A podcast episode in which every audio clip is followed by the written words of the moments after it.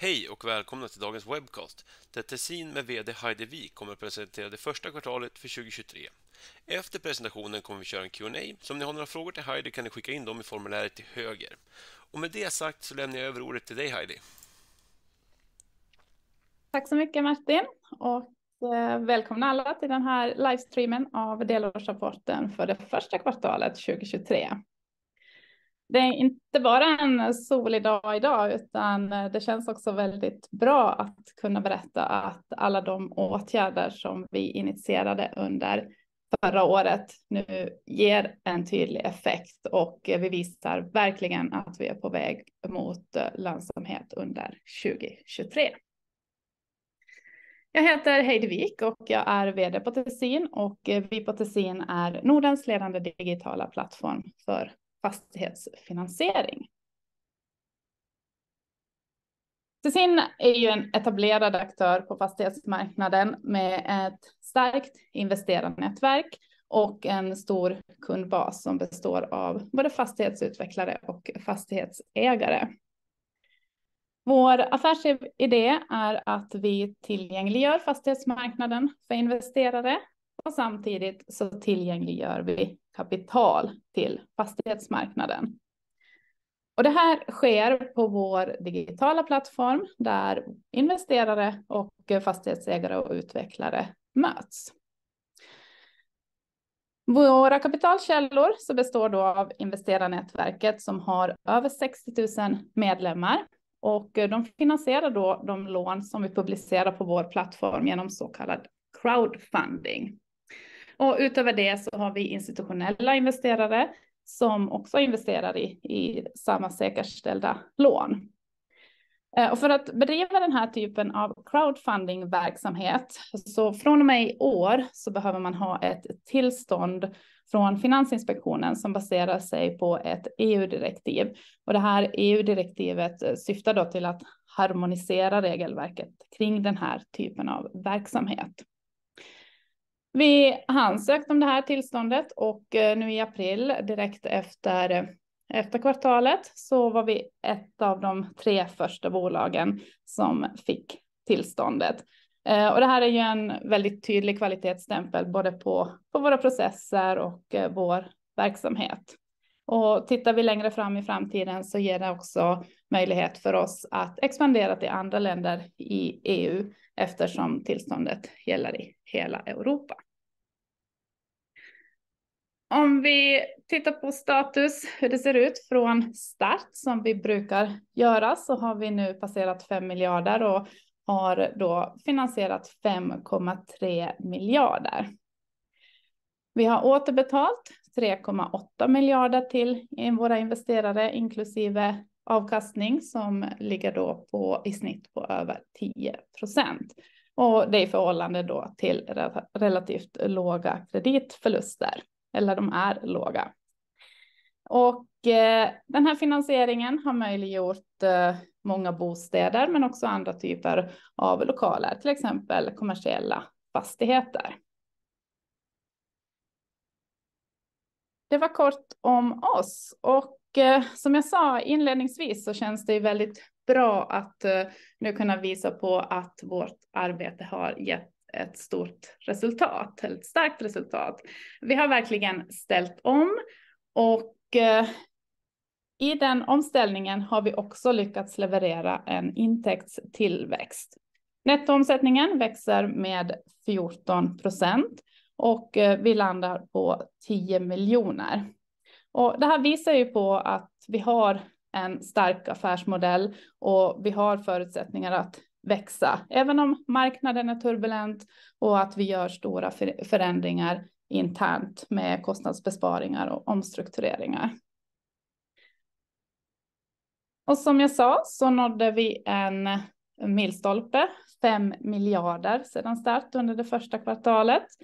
Eh, och det här visar ju på att vi nu är en etablerad aktör inom fastighetsfinansiering och vågar sätta upp visionen att vi ska bli eh, Sveriges eh, största fastighetsfinansierare på lång sikt.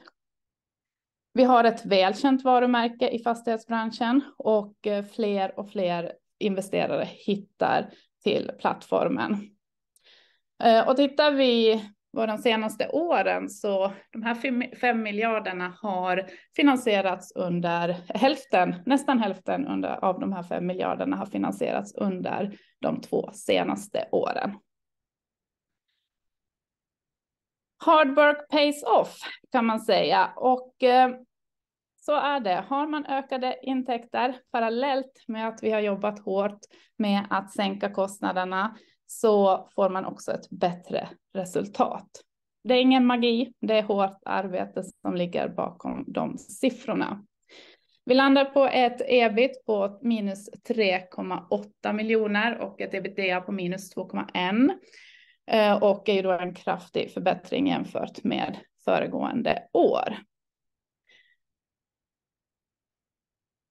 Och tittar vi på avkastningen till investerarna på plattformen så har vi också nu eh, kalibrerat. Eh, investerarna och fastighetsutvecklarna har hittat varandra på en ny nivå och vi ligger nu på ränte och avkastningsnivå kring 10 procent och strax över.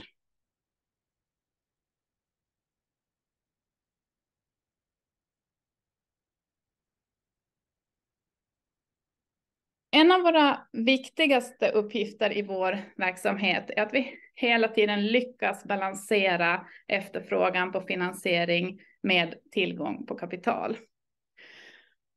Och om vi får börja med fastighetssidan så ser vi fortsatt stor efterfrågan. Vi har levt i en med hög inflation, snabba räntehöjningar i över ett år och det har ju påverkat många branscher negativt, framför allt fastighetsmarknaden.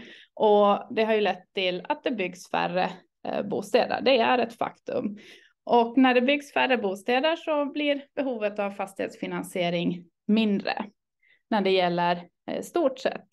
Men då ska vi komma ihåg att det fortsatt byggs i Sverige och eh, och det handlar fortfarande om hundratals miljarder samtidigt som finansiering från de traditionella aktörerna, det vill säga framförallt bankerna, i princip har stannat av. Eh, och då finns det fortfarande fastighetsutvecklare som ser möjligheter i den här marknaden. Eh, vi ser att det är erfarna fastighetsutvecklare som är kapitalstarka och eh, väljer att starta byggprojekt eh, eller ser förvärvsmöjligheter Eh, och behöver finansiering. Och då hittar de ofta till Tessin. Eh, och det leder framför allt till tre saker. Vi ser fler förfrågningar, vi har en stark orderbok och vi får faktiskt fler finansieringar, mer förfrågningar än vad vi kan finansiera. De här förfrågningarna är av hög kvalitet och eh, vi har också sett en förflyttning över tid ända sedan start att fler och fler finansierar hela sitt projekt via Tessin istället för i kombination med bankfinansiering. Eh, och vi ser också för det tredje då att, eh, att vi, förfrågningarna gäller också annat än bygg, det vill säga kommersiellt och eh, också för förvärv för expansion till exempel. Det som blir en aspekt i den här marknaden för oss är att vi blir extra noggranna i våra kreditbedömningsprocesser så att, det verkligen, så att vi verkligen erbjuder de allra bästa finansieringsmöjligheterna till våra investerare. Eh, och det är också en orsak till att vi har fler förfrågningar än vad vi kan finansiera. Om vi då väljer att skifta fokus mot lite längre, ett längre perspektiv så i och med att det nu byggs färre bostäder i den här marknaden än tidigare så tror vi att det kommer att skapas ett större behov under i ett längre perspektiv när marknaden stabiliserar sig. Eh, och därför tror vi att eh, efterfrågan på den här typen av finansiering och av alternativ fastighetsfinansiering kommer att vara fortsatt starkt under en längre tid. Och för att möta det behovet så blir nyckeln att ha ett starkt investerarnätverk, precis som vi har, eh, men också att ansluta mer institutionellt kapital.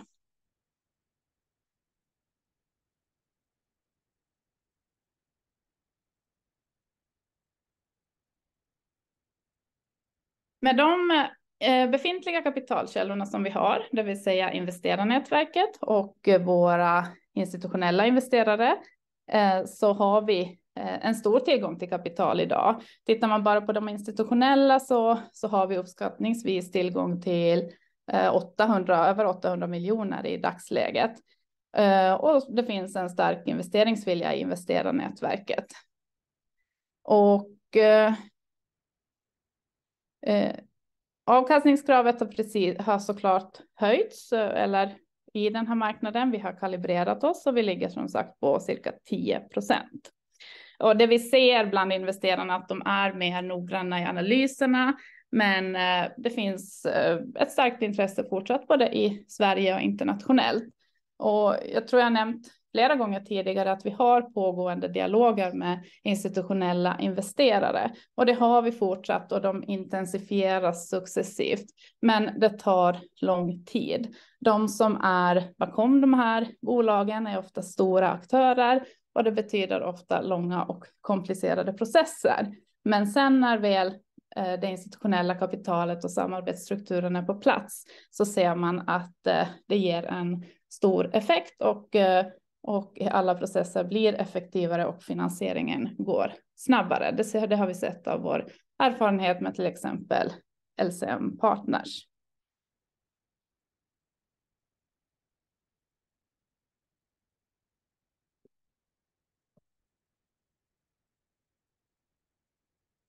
Vi har alltså nu levererat ett kvartal som ger oss förutsättningar för att nå lönsamhet. Eh, och som jag nämnde så har vi ett kvartal med 10 miljoner i nettoomsättning. Och eh, det som jag vill tillägga här är att första kvartalet historiskt har alltid varit eh, det svagaste kvartalet i, i nettoomsättning på grund av våra säsongseffekter. Så baserat på det antagandet så, så kan vi förvänta oss högre intäkter under kommande år, under det kommande året. Eh, och intäkterna så drivs av eh, såklart den förmedlade volymen, men också i kombination med en förbättrad marginal och eh, att vi har återkommande intäkter från våra kapitalstrukturer. Och det som också händer i den här marknaden är att vi lyckas leverera högre marginaler. Även om volymerna minskar så ökar vi nettoomsättningen, det vill säga vi har kunnat höja arvodet något i den här marknaden i och med att tillgången på kapital är en bristvara. Eh,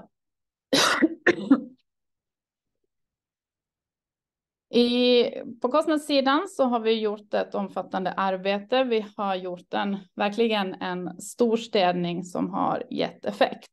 Eh, vi har gått igenom alla kostnader, eh, allt från flytt eh, till nya lokaler för att sänka hyran. Vi har omorganiserat och vi har minskat på personalkostnaderna. Och kostnadsbasen sjunker med 30 procent under jämfört med det föregående kvartalet förra året.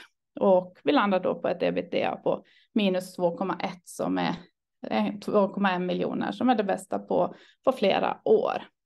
Eh, men det viktigaste är i nuläget att vi har skapat de förutsättningar som behöver finnas på plats för att nå vårt mål som vi har kommunicerat tidigare, det vill säga att nå lönsamhet i slutet av året.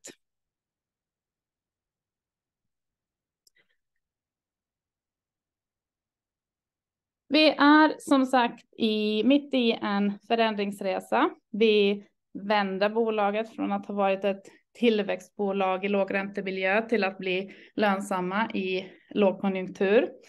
Eh, det kräver och har krävt och kommer att kräva fortsatt väldigt hårt jobb.